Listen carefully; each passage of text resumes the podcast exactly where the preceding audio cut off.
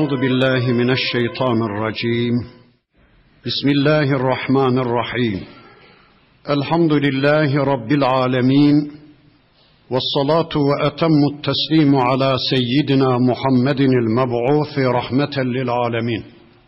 اللهم لا سهل إلا ما جعلته سهلا وأنت تجعل الحزن إذا شئت سهلا. اللهم علمنا ما ينفعنا وانفعنا بما علمتنا وزدنا علما برحمتك يا أرحم الراحمين. أما بعد بسم الله الرحمن الرحيم. سورة أنزلناها وفرضناها وأنزلنا فيها آيات بينات لعلكم تذكرون. الزانية والزاني فاجلدوا كل واحد منهما مئة جلدة. ولا تأخذكم بهما رأفة في دين الله. إن كنتم تؤمنون بالله واليوم الآخر وليشهد عذابهما طائفة من المؤمنين. الزاني لا ينكح إلا زانية أو مشركة. والزانية لا ينكحها إلا زان أو مشرك وحرم ذلك على المؤمنين إلى آخر الآيات صدق الله العظيم Muhterem müminler, Medine'de Allah ve Resulü egemenliğinde özgürce ve Müslümanca bir hayat yaşamaya başlamış olan İslam cemaatinin temellerini atmak, Müslümanların bireysel ve toplumsal hayatlarını Allah'ın istediği biçimde düzenlemek, Müslüman erkek ve kadınları tertemiz hale getirmek üzere gelmiş olan 64 ayetlik bir sureyle karşı karşıyayız. Nur suresinin huzurundayız, huzur bulmak üzere. İnşallah bu haftadan itibaren bu sureye misafir olduk. Bakalım bize neler aktaracak? Elimizden tutup bizi nereye oturtacak? Bizim çapımızı, bizim gramımızı, bizim konumumuzu nasıl belirleyecek? İnşallah bu haftadan itibaren bu sureyi okumaya başlıyoruz.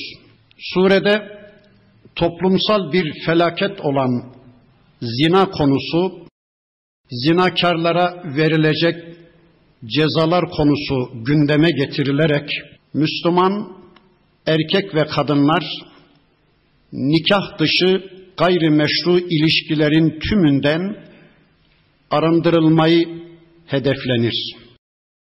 Tertemiz, iffetli, namuslu kadınlara yapılan zina iftiraları gündeme getirilerek Müslümanlar ciddi bir biçimde uyarılır.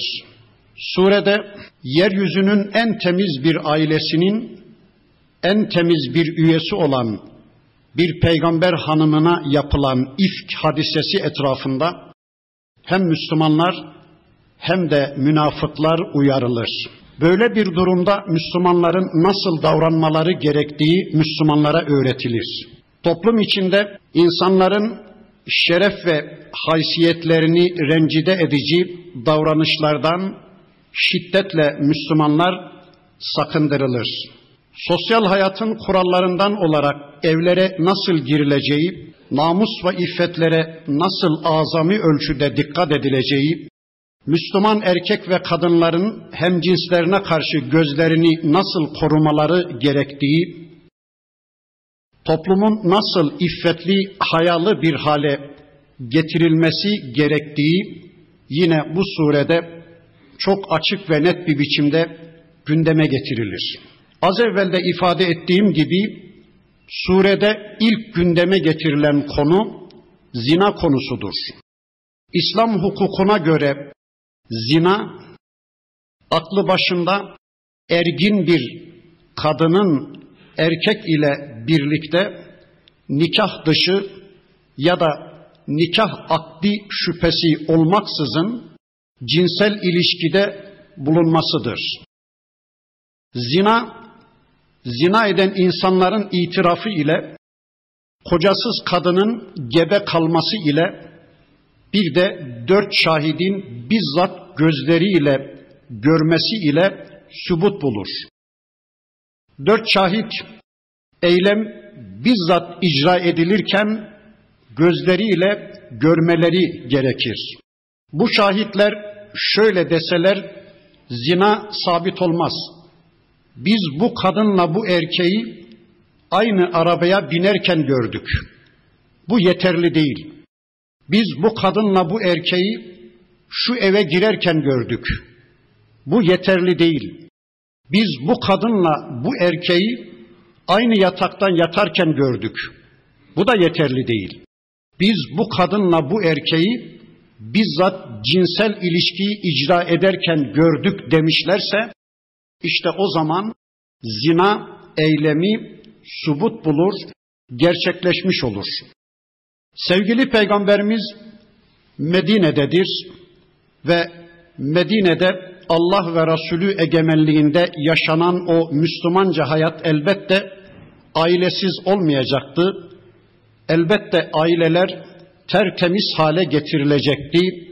İşte Rabbimiz Medine'de Müslümanca yaşayan toplumu tertemiz hale getirmek üzere erkeklerini ve kadınlarını tüm İslam dışı, tüm nikah dışı ilişkilerden temizlemek üzere işte bu sureyi gönderiyordu.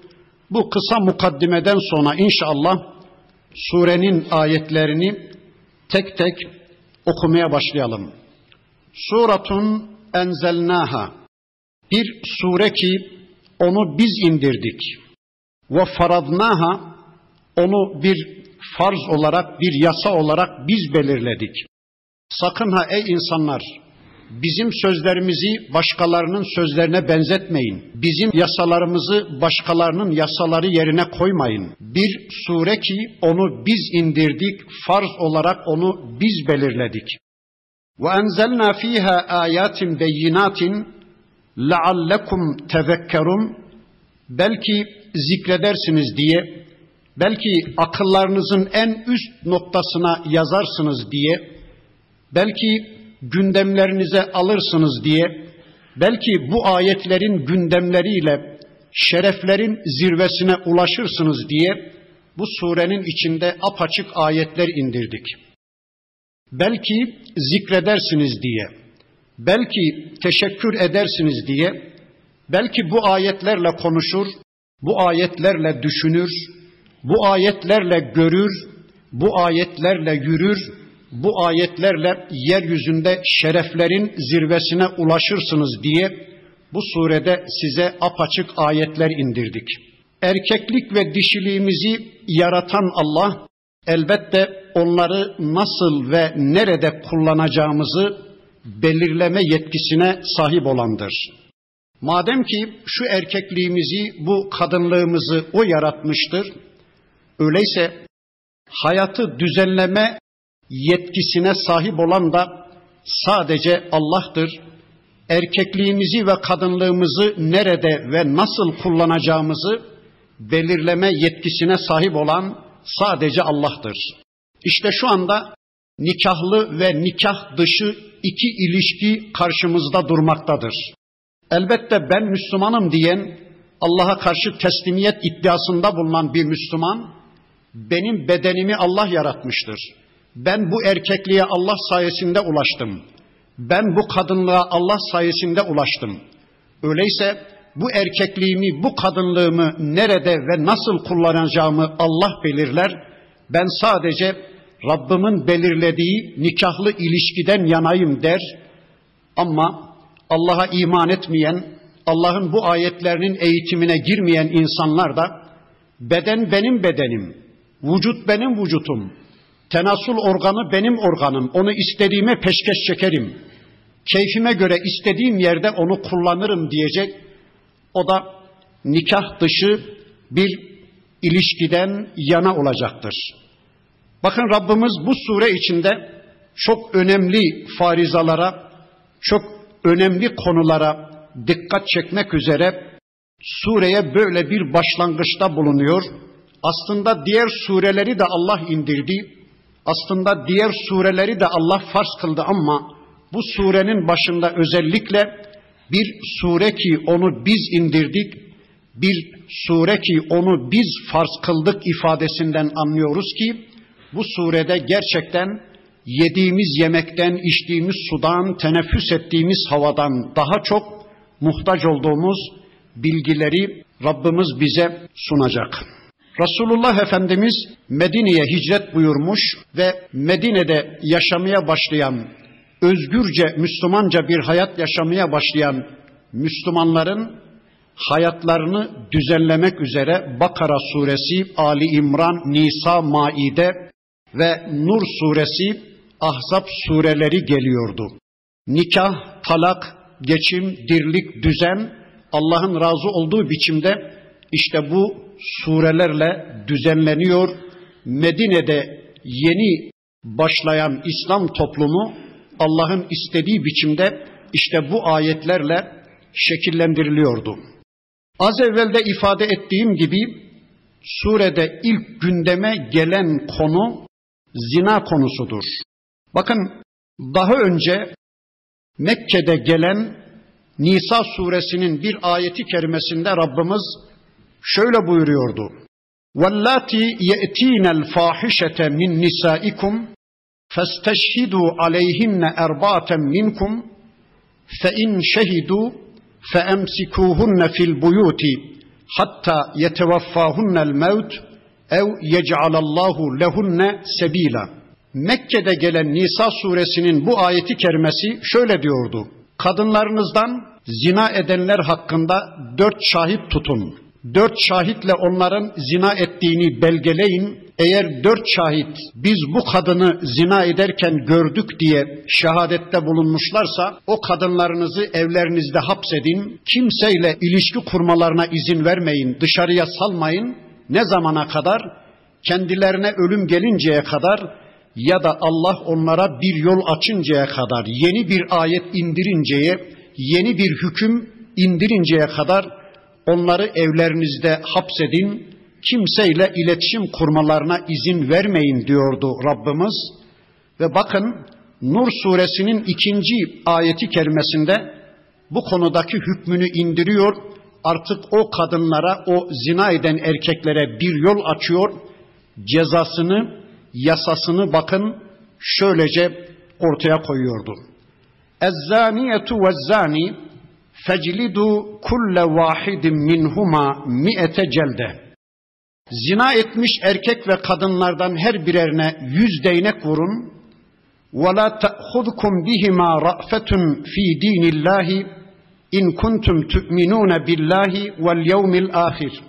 Eğer Allah'a ve ahiret gününe iman ediyorsanız, Allah'ın dini konusunda, Allah'ın dininin uygulanması konusunda, yani zina eden erkek ve kadına verilecek ceza konusunda sakın merhametiniz tutmasın, sakın onlara acımanız tutmasın. Yani onlara uygulayacağınız cezayı kaldırmak şeklinde onlara karşı bir merhametiniz tutmasın ya da onlara vuracağınız celdeyi hafif tutma şeklinde bir acıma hissine kapılmayın. Onlara verilecek cezayı Allah'ın istediği biçimde uygulayın. Vel yeşhet azabehuma taifetun minel mu'minin o zinakarlara uygulanacak cezaya Müslümanlardan bir taife de şahit olsun. Yani cezayı gizli bir yerde uygulamayın. Müslümanlardan cezanın uygulanacağı ortamın etrafını kuşatan bir halakanın arasında icra edin. Böylece hem o ceza intikama dönüşmesin. Çünkü gizli yerde infaz edilen o tür cezalar çoğu zaman intikama dönüşebilir ya da bir iltimasa dönüşebilir. Yani Müslümanların gözü önünde bu işi icra edin. Bir de tenkil olsun. Yani aleme ibret olsun ki diğer Müslümanlar zinaya tevessül edemesinler, böyle bir eylemi icra etmeyi akıllarının ucundan bile geçirmesinler. Evet, işte bu ayeti kerimede Nisa suresinde zina eden kadınları evlerinizde hapsedin, onlara ölüm gelinceye ya da Allah onlara bir yol açıncaya kadar demişti ya Rabbimiz. İşte Nur suresinin bu ikinci ayeti kerimesinde Rabbimiz onlara bir yol açtı. Böylece zina etmiş erkek ve kadınlara uygulanacak şer'i cezayı da Rabbimiz ortaya koyu verdi. Bu konuyla ilgili Mekke'de inen ayetlere baktığımız zaman Rabbimiz Müslümanlara şunları söylüyordu. Ey Müslümanlar zinaya yaklaşmayın. Zinaya yaklaşmayın. Çünkü o gerçekten bir pisliktir. O gerçekten bir murdarlıktır diyordu. Ama Mekke'de inen ayetlerde zinakarlara uygulanacak ceza konusunda Allah herhangi bir şey söylemiyordu. Çünkü Mekke'de Müslümanların bu tür cezaları uygulayabilecek sayısal ve siyasal güçleri yoktu. Mekke'de Peygamber Efendimizin konumu sadece insanları uyarmak ve müjdelemekti. Çünkü Mekke'de Müslümanların siyasal ve sayısal herhangi bir güçleri yoktu. İşte Mekke'de öyle diyordu Rabbimiz ama Medine'de inen Nur suresinin ikinci ayeti kerimesinde Rabbimiz zina etmiş erkek ve kadınlara uygulanacak cezayı böylece ortaya koyu verdi. Zina etmiş kadın ve erkeklerden her birerine yüz değnek vurun. Allah'ın dininin uygulanması konusunda sakın onlara karşı merhametiniz, acıma hissiniz tutmasın ve bu işi de Müslümanlardan bir cemaatin gözü önünde uygulayın. Bu ceza işini Müslümanlardan bir cemaatin gözleri önünde ifa edin dedi Rabbimiz. Bakın Peygamber Efendimizin sünnetinde bu ayeti kerimede gündeme getirilen ceza bekar bir erkekle bekar bir kadın zina ettiği zaman onlara uygulanacak cezadır. Peygamber Aleyhisselam'ın sünnetinde evli bir erkekle evli bir kadın zina ettiği zaman ya da üzerlerinden nikah geçmiş, o anda evli olmaları da şart değil, üzerlerinden nikah geçmiş bir erkekle bir kadın zina ettiği zaman Peygamber aleyhisselamın sünnetine göre onlar rejim edilecek ama bekar bir kadınla bekar bir erkek zina ettiği zaman onlara da işte yüz değnek vurulacak. Kimi Müslümanlar diyorlar ki ya madem rejim ayeti Kur'an'da yoktur, öyleyse bunu kim derse desin, isterse peygamber söylesin, Kur'an'da olmayan bir şeyi asla kabul edemeyiz. Kur'an'da olmayan bir şeye asla inanmayız demeye çalışıyorlar. Halbuki bakın Nahl suresinin 44. ayeti kerimesinde Rabbimiz bu konuyu anlatırken şöyle buyuruyor. Ve enzelna ileykel kitabe litubeyyine linnasi ma nuzzile ileyhim. Peygamberim sana indirileni sen insanlara açıklayasın diye, insanlara beyan edesin diye biz bu kitabı sana indirdik. Ne diyor bu ayeti kerime? Şunu söylüyor. Demek ki bu Kur'an'da insanların anlayamayacağı, açıklamaya, beyana ve şerhe muhtaç bir kısım konular var ki işte onların beyan yetkisini, beyan görevini Rabbimiz sevgili peygamberimize vermiş. Yani kimi ayetler var ki herkesin anlaması mümkün değil.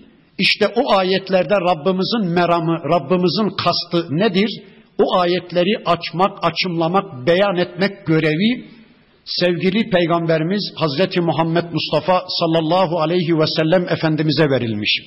Yine aynı surenin Nahl suresinin bir başka ayeti kerimesi de şöyle buyurur. وَمَا أَنْزَلْنَا عَلَيْكَ الْكِتَابَ إِلَّا لِتُبَيِّنَ لَهُمُ الَّذِي اخْتَلَفُوا ف۪يهِ Ey peygamberim insanların anlayamadıkları, kavrayamadıkları için ihtilaf ettiği, ayrılığa düştüğü konuları insanlara beyan etmen için, açıklaman için biz bu kitabı sana indiriyoruz.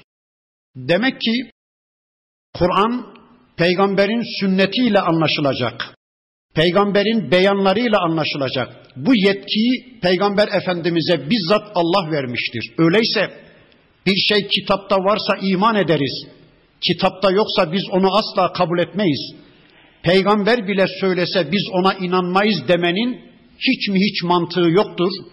Çünkü eğer peygamberin sünnetini diskalifiye ederseniz dinin yarısı gider. Çünkü Kur'an'da her şey yoktur. Birçok şeyi biz Peygamber Aleyhisselam'ın uygulamalarından öğreniyoruz. Peygamber Aleyhisselam'ın sünnetinden öğreniyoruz. Mesela namaz bile Kur'an'da sadece salat olarak vardır. Ekimiz salat diyor Allah. Salatı ikame edin. Peki ne demek salat? Lukat kitaplarına baktığınız zaman salat dua demektir. Allah diyor ki Kur'an'da duayı ikame edin, duayı icra edin, salatı icra edin. Ama Peygamber Efendimizin sünnetine baktığımız zaman rukulu, secdeli bir ibadet türü çıkıyor karşımıza ki onun adı namazdır. Namazın nasıl kılınacağı, kaç rekat kılınacağı, hangi rekatta nelerin okunacağı, namaz vakitlerinin ne olduğu Kur'an'da belli değil. Biz onu sünnetle öğreniyoruz. Mesela orucu bozan ve bozmayan şeyleri yine sevgili peygamberimizin sünnetiyle öğreniyoruz. Diyetler konusu, cenaze namazı konusu, cuma hutbesi konusu, gayrimüslimlerden alınan cizye konusu, gece cünüp iken teyemmüm konusu, faiz konusu, alışverişte muhayyerlik konusu, şufa konusu, hayızlı kadının namaz kılıp kılmayacağı, hayızlı kadının oruç tutup tutmayacağı konusu, Ramazanda cinsi münasebetin kefareti konusu, vitir namazı, nehirde taban fiyat, haç menasiki gibi birçok konular var ki bunlar Kur'an'da yoktur. Biz bunları sevgili peygamberimizin sünnetinden öğreniyoruz. Öyleyse bakın bu ayeti kerimede zina eden kadın ve erkeklerden her birerine yüz değnek vurun ifadesi bekar bir erkekle bekar bir kadın zina ettiği zaman bu ceza verilir ama evli bir erkekle evli bir kadın ya da üzerinden nikah geçmiş bir erkekle üzerinden nikah geçmiş bir kadın zina ettiği zaman onların cezası rejimdir. Bakın Buhari, Müslim, Ebu Davud ve Tirmizi'nin bize rivayet ettiklerine göre İbni Abbas Efendimiz der ki Ömer bin Hattab bir gün Peygamber Aleyhisselam'ın minberine çıktı. Şöyle bir hutbe okudu. Ey Müslümanlar! Allah elçisini hak olarak göndermiştir. Allah elçisi Muhammed Aleyhisselam'a hak ayetler indirmiştir. O ayetlerin içinde Allah'ın elçisine inen ayetlerin içinde recim ayeti de vardı. Biz onu okuduk, öğrendik, ezberledik ve uyguladık. Sevgili peygamberimiz hayatında rejmetti. Benden önceki halife Hazreti Ebu Bekir de rejmetti. Ben de rejmettim.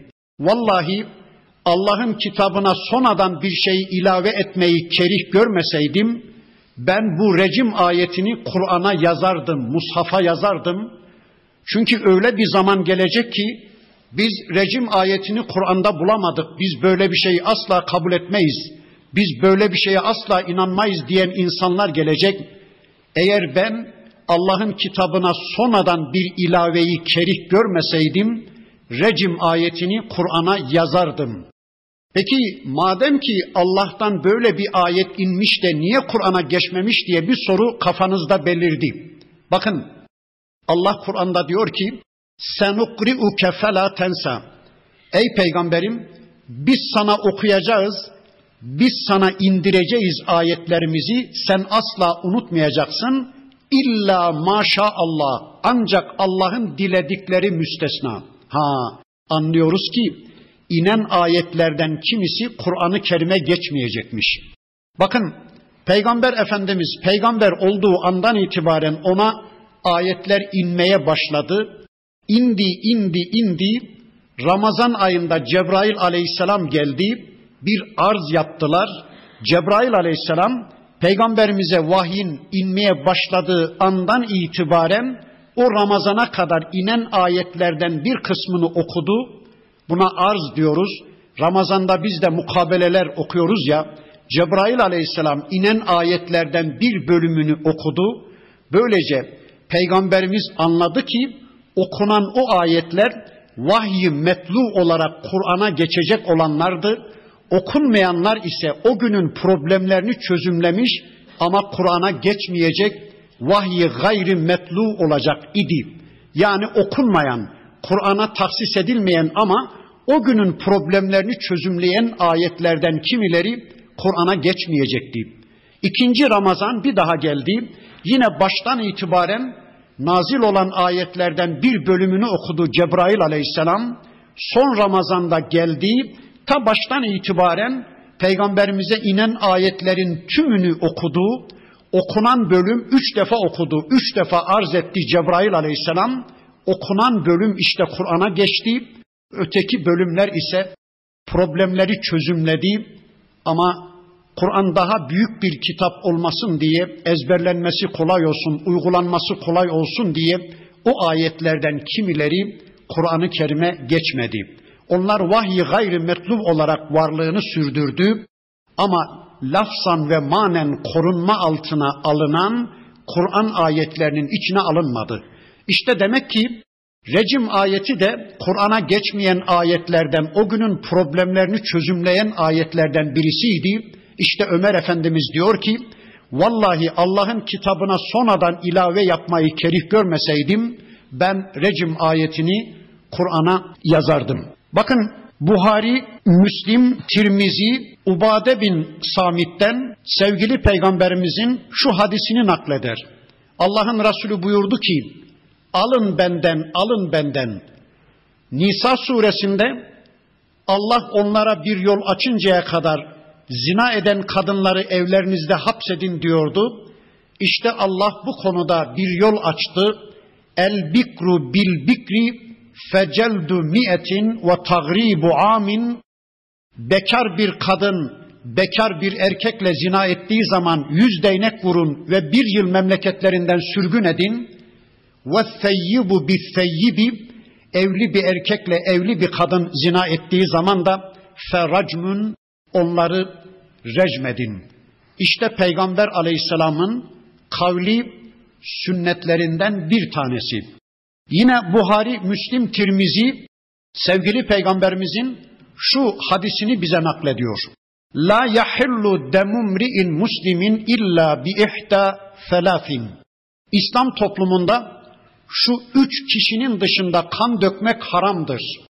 Tersinden okuyacak olursak hadisi, İslam toplumunda şu üç sınıf insan mutlak öldürülmelidir. Kimmiş onlar?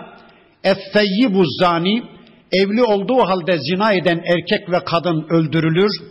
Ve nefsü bin nefsi, adam öldüren kişi kısasen öldürülür.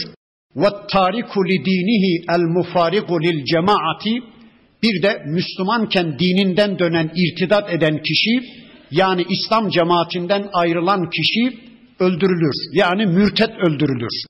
Bakın Peygamber aleyhisselamın ben iki tane hadisini okudum. Bu iki hadisin ikisinde de evli olduğu halde zina eden kişinin öldürülmesi gerektiğini söylüyor sevgili peygamberimiz. Bu peygamberimizin kavli sünneti. Bir de peygamber efendimizin fiili sünnetine bakalım. Elimizdeki muteber tüm hadis kaynaklarının bize aktardığına göre peygamber efendimizin hayatında dört tane rejim uygulaması vardır.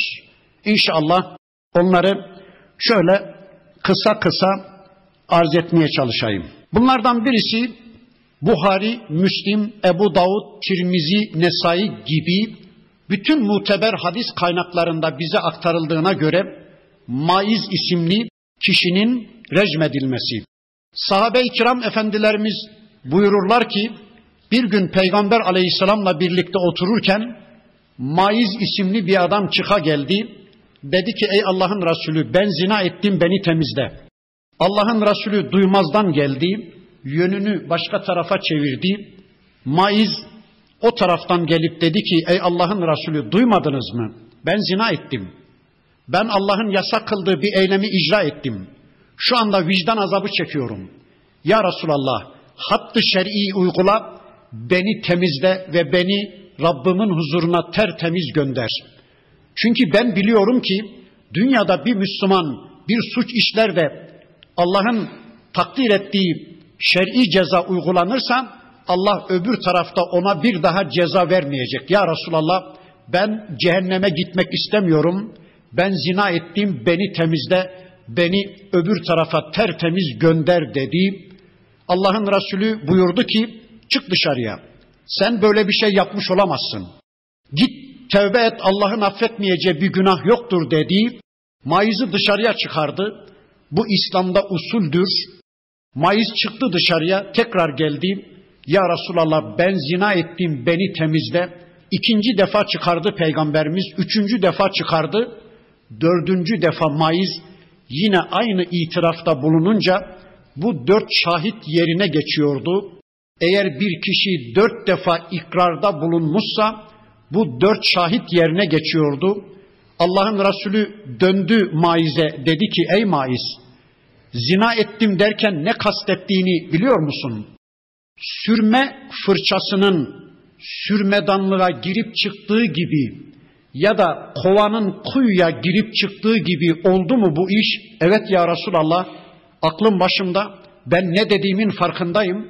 Çevresindekilere dedi ki sevgili peygamberimiz yoklayın bu adamın aklından zoru filan var mı? Yokladı sahabe ya Resulallah akli dengesi yerindedir. Peki içki falan içmiş midir? Ağzını koklayın. Sarhoş mudur? Kokladılar dediler ki hayır ya Resulallah. İçki falan da içmemiş şuuru yerinde.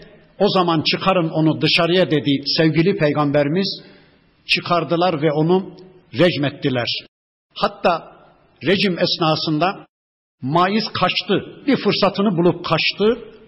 Arkasından Müslümanlar yetiştiler. Bir devenin çene kemiğiyle başına vurmak suretiyle o cezayı infaz ettiler ama durum peygamber efendimize intikal edince madem ki kaçmıştı keşke bıraksaydınız arkasından gitmeseydiniz dedi. Böylece peygamber efendimizin hayatında birinci rejim uygulaması gerçekleşti. Yine elimizdeki bütün kütüb-i sittenin bize haber verdiğine göre gamitli bir kadın geldi diyor sahabe. Dedi ki ya Resulallah ben zina ettim. Maizi temizlediğin gibi beni de temizle. Haddi şer'i bana uygula. Şu anda ben vicdan azabı çekiyorum. Ben Rabbimin huzuruna temiz gitmek istiyorum dedi.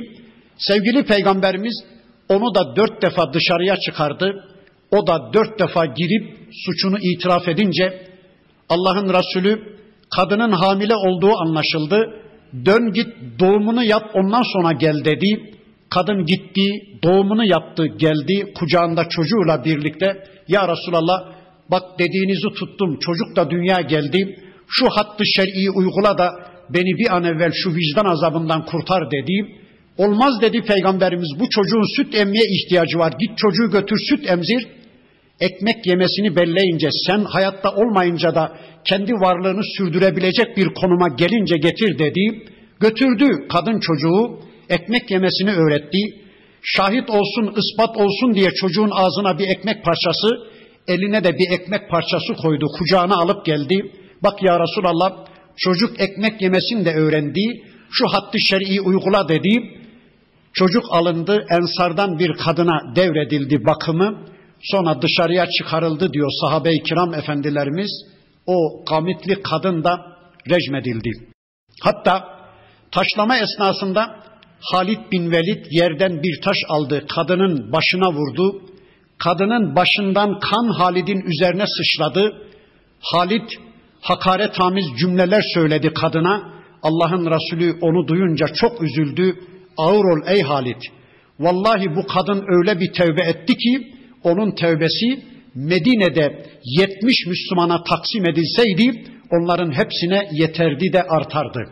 Sonra Peygamberimiz Müslim'in rivayetiyle, Ebu Davud'un rivayetiyle o kadının cenaze namazını kıldırmaya yöneldi.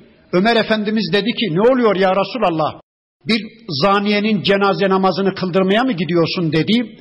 Ağır ol ey Ömer. O kadın tevbesini canıyla ortaya koydu. Eğer onun tevbesi şu iki vadinin arasındaki insanlara taksim edilseydi, onun tevbesi onların hepsine yeterdi de artardı buyurdu. Bu ikinci uygulama. Üçüncü uygulama, Yine elimizdeki bütün muteber hadis kaynaklarında anlatıldığına göre bir Yahudi erkekle bir Yahudi kadın zina ettiler. Gelip peygamberimizden zinanın hükmünü sordular. Sevgili peygamberimiz dedi ki sizin kitabınız Tevrat'ta nedir zinakarın cezası? Dediler ki ya Resulallah biz zina etmiş erkek ve kadını soyarız, ters bir biçimde merkeplere bindiririz, üzerlerini simsiyah lekeyle boyarız, sonra da işte aleme ibret olsun diye şehrin içinde şöyle bir dolaştırırız, böylece onu rezil kepaze ederiz. Yalan söylüyorsunuz dedi Peygamberimiz. Getirin Tevrat'ı, getirdiler Tevrat'ı, okuyun bakalım şu ayetleri. Okuyan kişi recim ayetinin üzerine elini koydu, öyle okudu. Kaldır bakalım elini dedi Peygamberimiz. Elini kaldırınca baktılar ki Tevrat'ta da recim ayeti vardı. Sonra dediler ki ey Allah'ın Resulü evet Tevrat'ta da rejim ayeti vardı ama biz onu uygulamaktan kaldırmıştık dediler. Allah'ın Resulü buyurdu ki ey lanetlik toplum sizin kaldırdığınız o hükmü ben aynen uygulayacağım dedi. O Yahudi erkekle Yahudi kadını da rejmetti. Dördüncü uygulamayı da söyleyip inşallah geçelim. Sahabe-i kiram efendilerimizden bir grup rivayet ediyor. Oturuyorduk, iki adam münakaşa ederek çıka geldi. Onlardan birisi şöyle diyordu, ey Allah'ın Resulü, bizim aramızda Allah'ın hükmünü ver. Ne oldu dedi Peygamberimiz? Ya Resulallah benim oğlum şu adamın evinde işçi olarak çalışırken bunun karısıyla zina etmiş. Ben bu adam beni de oğlumu da bağışlasın diye yüz koyun bir de cariye hediye ettim bu adama. Ama sonradan duydum ki benim oğlum bekar olduğu için ona yüz değnek vurulacak. Bir yıl memleketinden sürgün edilecek. Bu adamın karısı da evli olduğu için onun da rejim edileceğini duydum. Ya Resulallah sana geldik. Bizim hakkımızda Allah'ın hükmü neyse, kitabın hükmü neyse bildir söyle dedi. Sevgili peygamberimiz Allah'a yemin ederim ki ben size Allah'ın istediği hükmü vereceğim dedi. O koyunlar ve cariye bu adama geri verilecek ve bu adamın oğluna yüz değnek vurulacak, bir yıl memleketinden sürgün edilecek. Ey Üneyiz sen de kalk git şu adamın karısına sor. Eğer itiraf ederse zina ettiğini onu da rejmedin dedi. Üneyiz Efendimiz yanında bir grup sahabeyle birlikte gitti. Kadın itiraf edince o da rejmedildi. Böylece sevgili peygamberimizin fiili sünnetinde dört tane rejim olayı var. Ama sünneti diskalifiye ettiğiniz zaman, sünneti bir kenara koymaya kalkıştığınız zaman, hani Kur'an'da böyle bir ayet göremiyoruz. İşte Kur'an'da zina eden erkek ve kadına yüz değnek vurun diyor Rabbimiz demeye kalkıştığınız zaman, Allah korusun dinin yarısı gider. Biz böylece inanıyoruz. Ama şu kadarını söyleyeyim. Bu zaten bugün uygulanmaz. Bu İslami bir toplumda uygulanacak bir cezadır. Bugün bunun uygulanması mümkün değil. Allah bu topluma halifeli bir toplum olma özelliği lütfederse bir gün inşallah bunlar ortaya çıkar. Nasıl uygulanacağı, ne şekilde ortaya konacağı açık ve net bir biçimde açıklanır. Bundan sonra yine zinakarlarla alakalı Rabbimiz bakın şöyle buyuruyor. Ezzani la yenkihu illa zaniyeten ev müşriketen. Zina eden bir erkek, zinakar bir erkek ancak kendisi gibi zina etmiş bir kadınla, zinakar bir kadınla ya da müşrike bir kadınla evlenir. Ve zaniyetu la yenkihuha illa zanin ev müşrikum. Zinakar bir kadın da ancak kendisi gibi zinakar bir erkekle ya da bir müşrik erkekle evlenir. Bakın ayeti kerimenin zahiri yani açık manası budur. Ama bizim alimlerimizden Said bin Cübeyr ve İkrime gibi alimlerimiz bu ayeti şöyle anlamışlar. Zinakar bir erkek ancak kendisi gibi zinakar bir kadınla zina edebilir. Zinakar bir kadın da ancak kendisi gibi zinakar bir erkekle bu eylemi icra edebilir, zina edebilir şeklinde anlamış. O zaman zinakar bir erkek zinakar bir kadınla evlenebilir. Zinakar bir kadın da ancak zinakar bir erkekle evlenebilir. Pisin temizle, temizin pisle evlenmesi caiz değildir şeklindeki anlayış ikinci anlayışla farklı bir noktaya getiriliyor.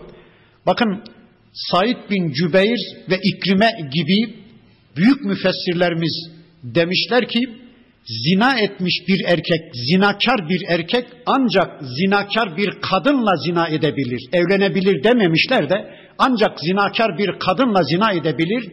Zinakar bir kadın da ancak kendisi gibi zinakar ve müşrik bir erkekle evlenebilir şeklinde anlamışlar. O zaman yani birinci manayı alacak olursak birçok Müslümanın şu anda boşanması gerekecek. Eğer başlangıçta zina etmişse, tertemiz bir kadınla evlenmişse bu ayeti kerimeye göre onun nikahı feshedilir. Yine kadın zina etmiş, tertemiz bir erkekle evlenmişse onun nikahı da feshedilir. Ayeti öyle değil de şöyle anlamış alimlerimiz. Zinakar zinakara layıktır. Pis pise layık, temiz temize layık. Pisle temiz birbirine layık değil derken Rabbimiz bunlar evlenemez şeklinde değil de bunlar ancak birbirlerini severler, birbirlerini arar bulurlar. Zinakar ancak zinakardan hoşlanır. Zinakar bir kadın ancak kendisi gibi zinakar bir erkeği arar bulur. Zinakar bir erkek de ancak kendisi gibi fıtraten zinadan hoşlanan bir kadını arar bulur şeklinde anlamış alimlerimiz. Çünkü Bakara suresinde bakın burada dedi ki Allah zina etmiş bir erkek ancak kendisi gibi zina etmiş bir kadınla ya da bir müşrikle dedi ya halbuki bir müşrikle evlenmeyi İslam yasak kılmıştır. Bakara suresinde bir ayeti kerimesinde Rabbimiz bir müşrik hoşunuza gitse de cariye bir kadın ondan hayırlıdır. Bir müşrik erkek hoşunuza gitse de bir köle ondan daha hayırlıdır. Ey hanımlar bir köle, mümin bir köleyi tercih edin. Hoşunuza gitse de müşrik bir erkeği tercih etmeyin ayetiyle anlıyoruz ki zaten İslam bir müşrikle evlenmeyi yasak kılmıştır. Yine muteber hadis kitaplarımızın beyanıyla bekar olarak zina etmiş bir kadınla bir erkeğe sevgili peygamberimiz yüz değnek vurup onların cezalarını verdikten sonra onları evlendirmiştir.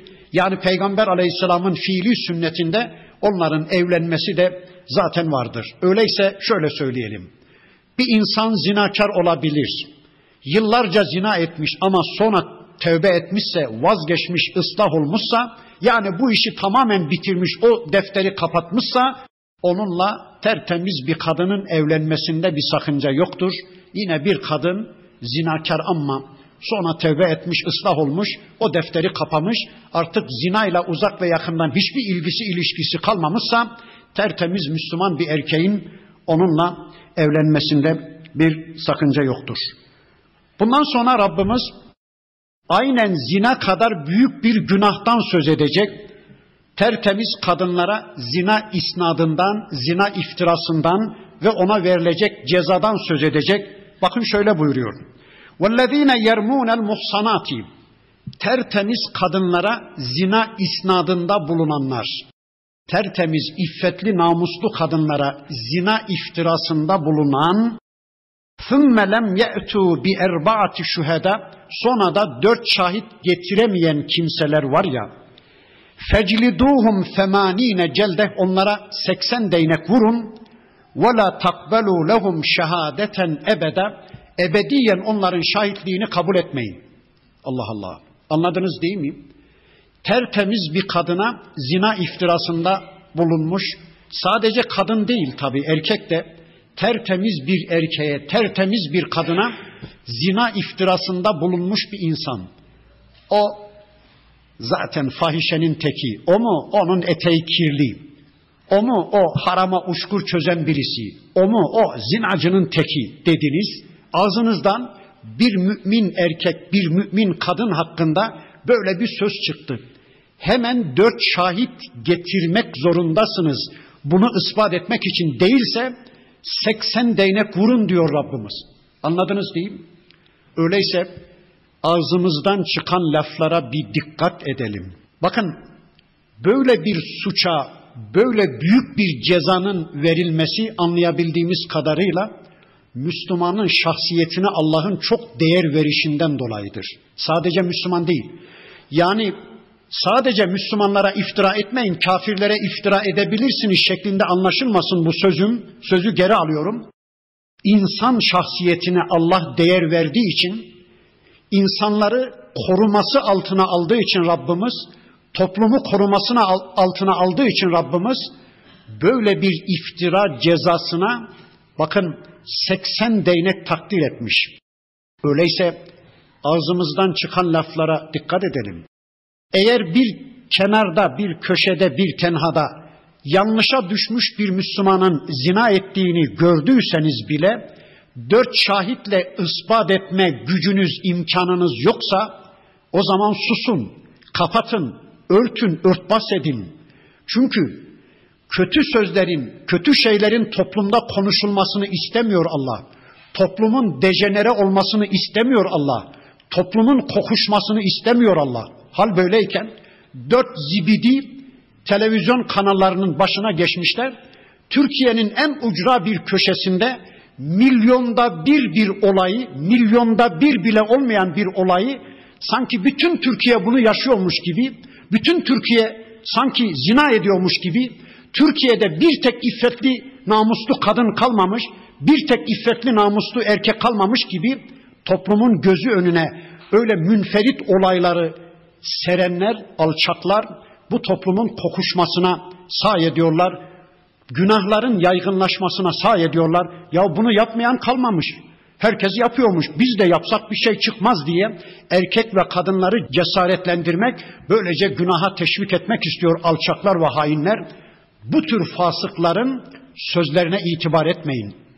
Siz de böyle münferit bir olayı gördüğünüz zaman dört şahitle belgeleme imkanınız yoksa örtbas etmek zorundasınız.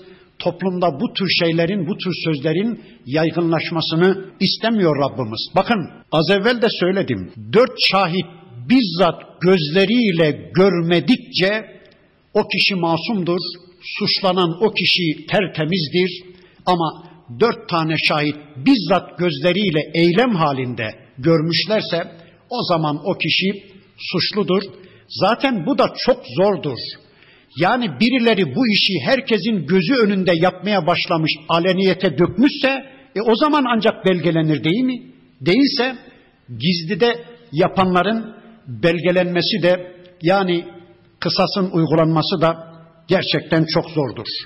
Bakın Allah dedi ki tertemiz kadın ve erkeklere zina isnadında bulunanlar eğer dört şahit getiremezlerse bedenlerine 80 değnek vurun, fiziklerine böyle bir azap uygulayın, bir de ebediyen şahitliklerini kabul etmeyin, adam yerine koymayın, sözlerine itibar etmeyin, böylece onların ruhlarına da bir ceza uygulayın.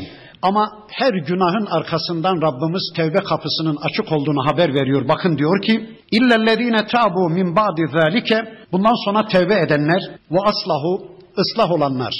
Artık bu tür iftiralardan vazgeçenler fe innallaha gafurun rahim. Allah onlar için gafur ve rahimdir, bağışlayandır. Bundan sonra Rabbimiz şu ana kadar yabancı erkek ve kadınlara zina isnadından, zina iftirasından söz etti. Şimdi de bir kişinin kendi hanımı hakkında zina isnadından söz edecek. Bakın sahabeden şu anda ismi hatırıma gelmedi. Allahu alem Saad bin Ubade olacak. Diyor ki ya Resulallah vallahi ben Allah'ın indirdiklerinin tümünün hak olduğuna iman ediyorum. Sakın yanlış anlamayın ama bir şey kafama takıldı ya Resulallah. Buyur diyor peygamberimiz. Diyor ki ya Resulallah ben akşam evime geldiğimde hanımımın bacakları arasında bir adam gördüm. E dört şahit çağırmaya gitsem adam beni bekleyecek değil la işini bitirip gidecek. Ya Resulallah dört şahit bulmaya gideceğime şu kılıcımla yatağın içinde ikisini de doğrasam bana kısas uygulanır mı? Ben katil muamelesi görür müyüm? Allah'ın Resulü sustu. Çünkü o ana kadar bu konuda bir ayet gelmemişti, bir hüküm gelmemişti. Bakın sahabe-i kiram efendilerimiz diyor ki aradan bir süre geçti. Hilal bin Ümeyye, Hilal bin Ümeyye can hıraş çıka geldi. Hilal bin Ümeyye'yi bildiniz değil mi? Şu Tebuk seferinden geri kalan o Müslümanlardan birisi. Çıka geldi can hıraş. Ya Resulallah beni bir dinle. Vay başıma gelenlere. Ne oldu dedi peygamberimiz. Ya Resulallah ikindiden sonra bahçemden evime döndüğümde karımı birisiyle gördüm. Şu gözlerimle gördüm, bu kulaklarımla işittim. Karım falanla zina halindeydi. Ben ne yapacağım? Saad bin Ubade sordu. Hilal bin Ümeyye'nin hayatında örneklendiği, pratize edildiği, bakın böyle bir durumda bir kişi hanımı hakkında zina isnadında bulunur ama dört şahidi yoksa ne yapacak? Allah onu anlatacak. وَالَّذ۪ينَ يَرْمُونَ اَزْوَاجَهُمْ Hanımları hakkında zina isnadında bulunanlar وَلَمْ يَكُنْ لَهُمْ şuheda ama şahitleri de olmayanlar. Yok adam kendi evine girmiş, kendi görmüş ama e, dört şahidi nereden bulsun gelsin? Şahitleri de olmayanlar ne yapacakmış? İlla enfusuhum sadece kendileri görmüş, şahit bulamamışlar. Feşehadetu ahadihim erba'u şehadatin billahi innehu lemines sadıkin vel hamisetu enne la'netallahi aleyhi in kâne minel kâzibin. O kişi Hilal bin Ümeyye ama kıyamete kadar bu durumda olan kişi Peygamber aleyhisselamın huzurunda dün, bugün de kadının huzurunda, İslam mahkemesinin huzurunda beş defa yemin eder. Der ki, Allah'a yemin olsun ki ben gözlerimle gördüm karım zina etti. Allah şahidim ki karım zina etti. Dört defa bu yemini yapar. Beşincisinde diyor Allah, eğer yalan söylüyorsam Allah'ın laneti benim üzerime olsun der. Böylece o erkek haddi kazıftan kurtulur. Yani iftira cezasından kurtulur. Hani bir üstteki ayette ne demişti Rabbimiz? Tertemiz bir kadın hakkında zina iftirasında bulunur da dört şahitle bunu ispat edemezse 80 değnek vurun demişti ya. Bu adam bu yeminiyle birlikte o cezadan kurtulur. Sonra bakın sevgili peygamberimiz Hilal bin Ümeyye'nin karısına döndü. Ayeti okuyayım. Ve yedra'u anhel azabe en teşhede erba'a şehadatin billahi innehu leminel kâzibin vel hamisete enne gadaballahi aleyha in kâne mines sadıkin. Kadına dönüyor peygamberimiz diyor ki ey kadın kocan Hilal böyle diyor. Sen ne diyorsun? Eğer kadın evet kocam doğru söylüyor ben zina ettim demişse iş biter. Kadın rejim edilir. Ama kadın da şöylece yemin ederse Allah'a yemin ederim ki kocam yalan söylüyor ben böyle bir şey yapmadım. Allah'a yemin ederim ki kocam yalan söylüyor ben asla zina etmedim diye dört defa yemin eder. Beşincisinde de eğer kocam doğru söylüyor ben yalan söylüyorsam Allah'ın laneti Allah'ın gazabı benim üzerime olsun derse bu yemini yaparsa kadın da rejim olunmaktan kurtuluyor ama bu evlilikte bitiyor. Çünkü eğer adam gerçekten bizzat gözleriyle görmüşse o kadınla birlikte yaşaması mümkün değil. Yok eğer iftira ediyorsa sırf o kadından boşanmak için böyle bir şey uydurmuşsa bu noktaya kadar götürmüşse işi zaten o ailede hiçbir bereket kalmamış. Bu noktaya gitmiş. İşte İslam peygamberi Hazreti Muhammed Aleyhisselam diyor ki ey Hilal senin bu kadınla uzak ve yakından hiçbir ilişkin kalmamıştır. Sakın intikam almak için üzerine gitme ve verdiğin mehiri de geri isteme artık boş oldunuz dedi. Tabi bu yemini yapmaya başlamadan önce sevgili peygamberimiz uyarıyor. Ya ikinizden birisi yalan söylüyor. Öyle değil mi? Kadın yemin ediyor yapmadım, erkek yemin ediyor gözlerimle gördüm. Yahu diyor ikinizden birisi yalan söylüyor. Gelin şu Allah'ın laneti benim üzerime olsun yeminini yapmaktan vazgeçin. Bunun vebalini bir düşünün diyor. Ama buna rağmen Hilal bin Ümeyye de yemin etti. Karısı da yemin etti. Hilal bin Ümeyye haddi kazıf cezasından kurtuldu. Karısı da rejim cezasından kurtuldu. Ama araları ayrıştırıldı. Bakın Allah diyor ki وَلَوْلَا فَضْلُ اللّٰهِ عَلَيْكُمْ وَرَحْمَتُهُ eğer üzerinizde Allah'ın fazlı ve rahmeti olmasaydı ve ennallâhe tevvâbun hakim Allah tevbeleri çokça kabul eden hakim olmasaydı ne yapardınız? Bir düşünün. Allah böyle bir çıkış yolu göstermeseydi, o karısına iftira eder, o kocasına iftira eder, o kendi başına intikam almaya kalkar, o yatakta karısıyla birlikte gördüğünü öldürmeye kalkar, bu topluma yayılır, aileler dejenere olur, toplum kokuşur gider deyip, ama bakın Allah bize rahmetinden dolayı, bize merhametinden dolayı yol açıyor. Şöylece yapın diyor. Bundan sonra yeryüzünün en temiz bir ailesinin en temiz bir üyesine yani bir peygamber hanımına yapılan bir ifk hadisesi, bir zina iftirası gündeme gelecek. On ayetle Rabbimiz onu anlatacak ama şu anda zaten zamanımız doldu. Ben onu önümüzdeki haftaya bırakıyorum. Rabbim okuduğumuz bu ayetlerle iman edip amel etmeyi, tertemiz eşler kocaları için, tertemiz eşler hanımları için, zina ilişkilerinin tümünden uzak, nikah ilişkisiyle Allah'ın gösterdiği meşru ilişkiyle kocaları için tertemiz kadınlar, kadınları için tertemiz kocalar olmayı Allah hepimize lütfetsin. Subhaneke Allahumma ve bihamdik. Eşhedü en la ilahe illa ente. Estağfiruke ve etubu ileyk. Velhamdülillahi Rabbil alemin. El Fatiha.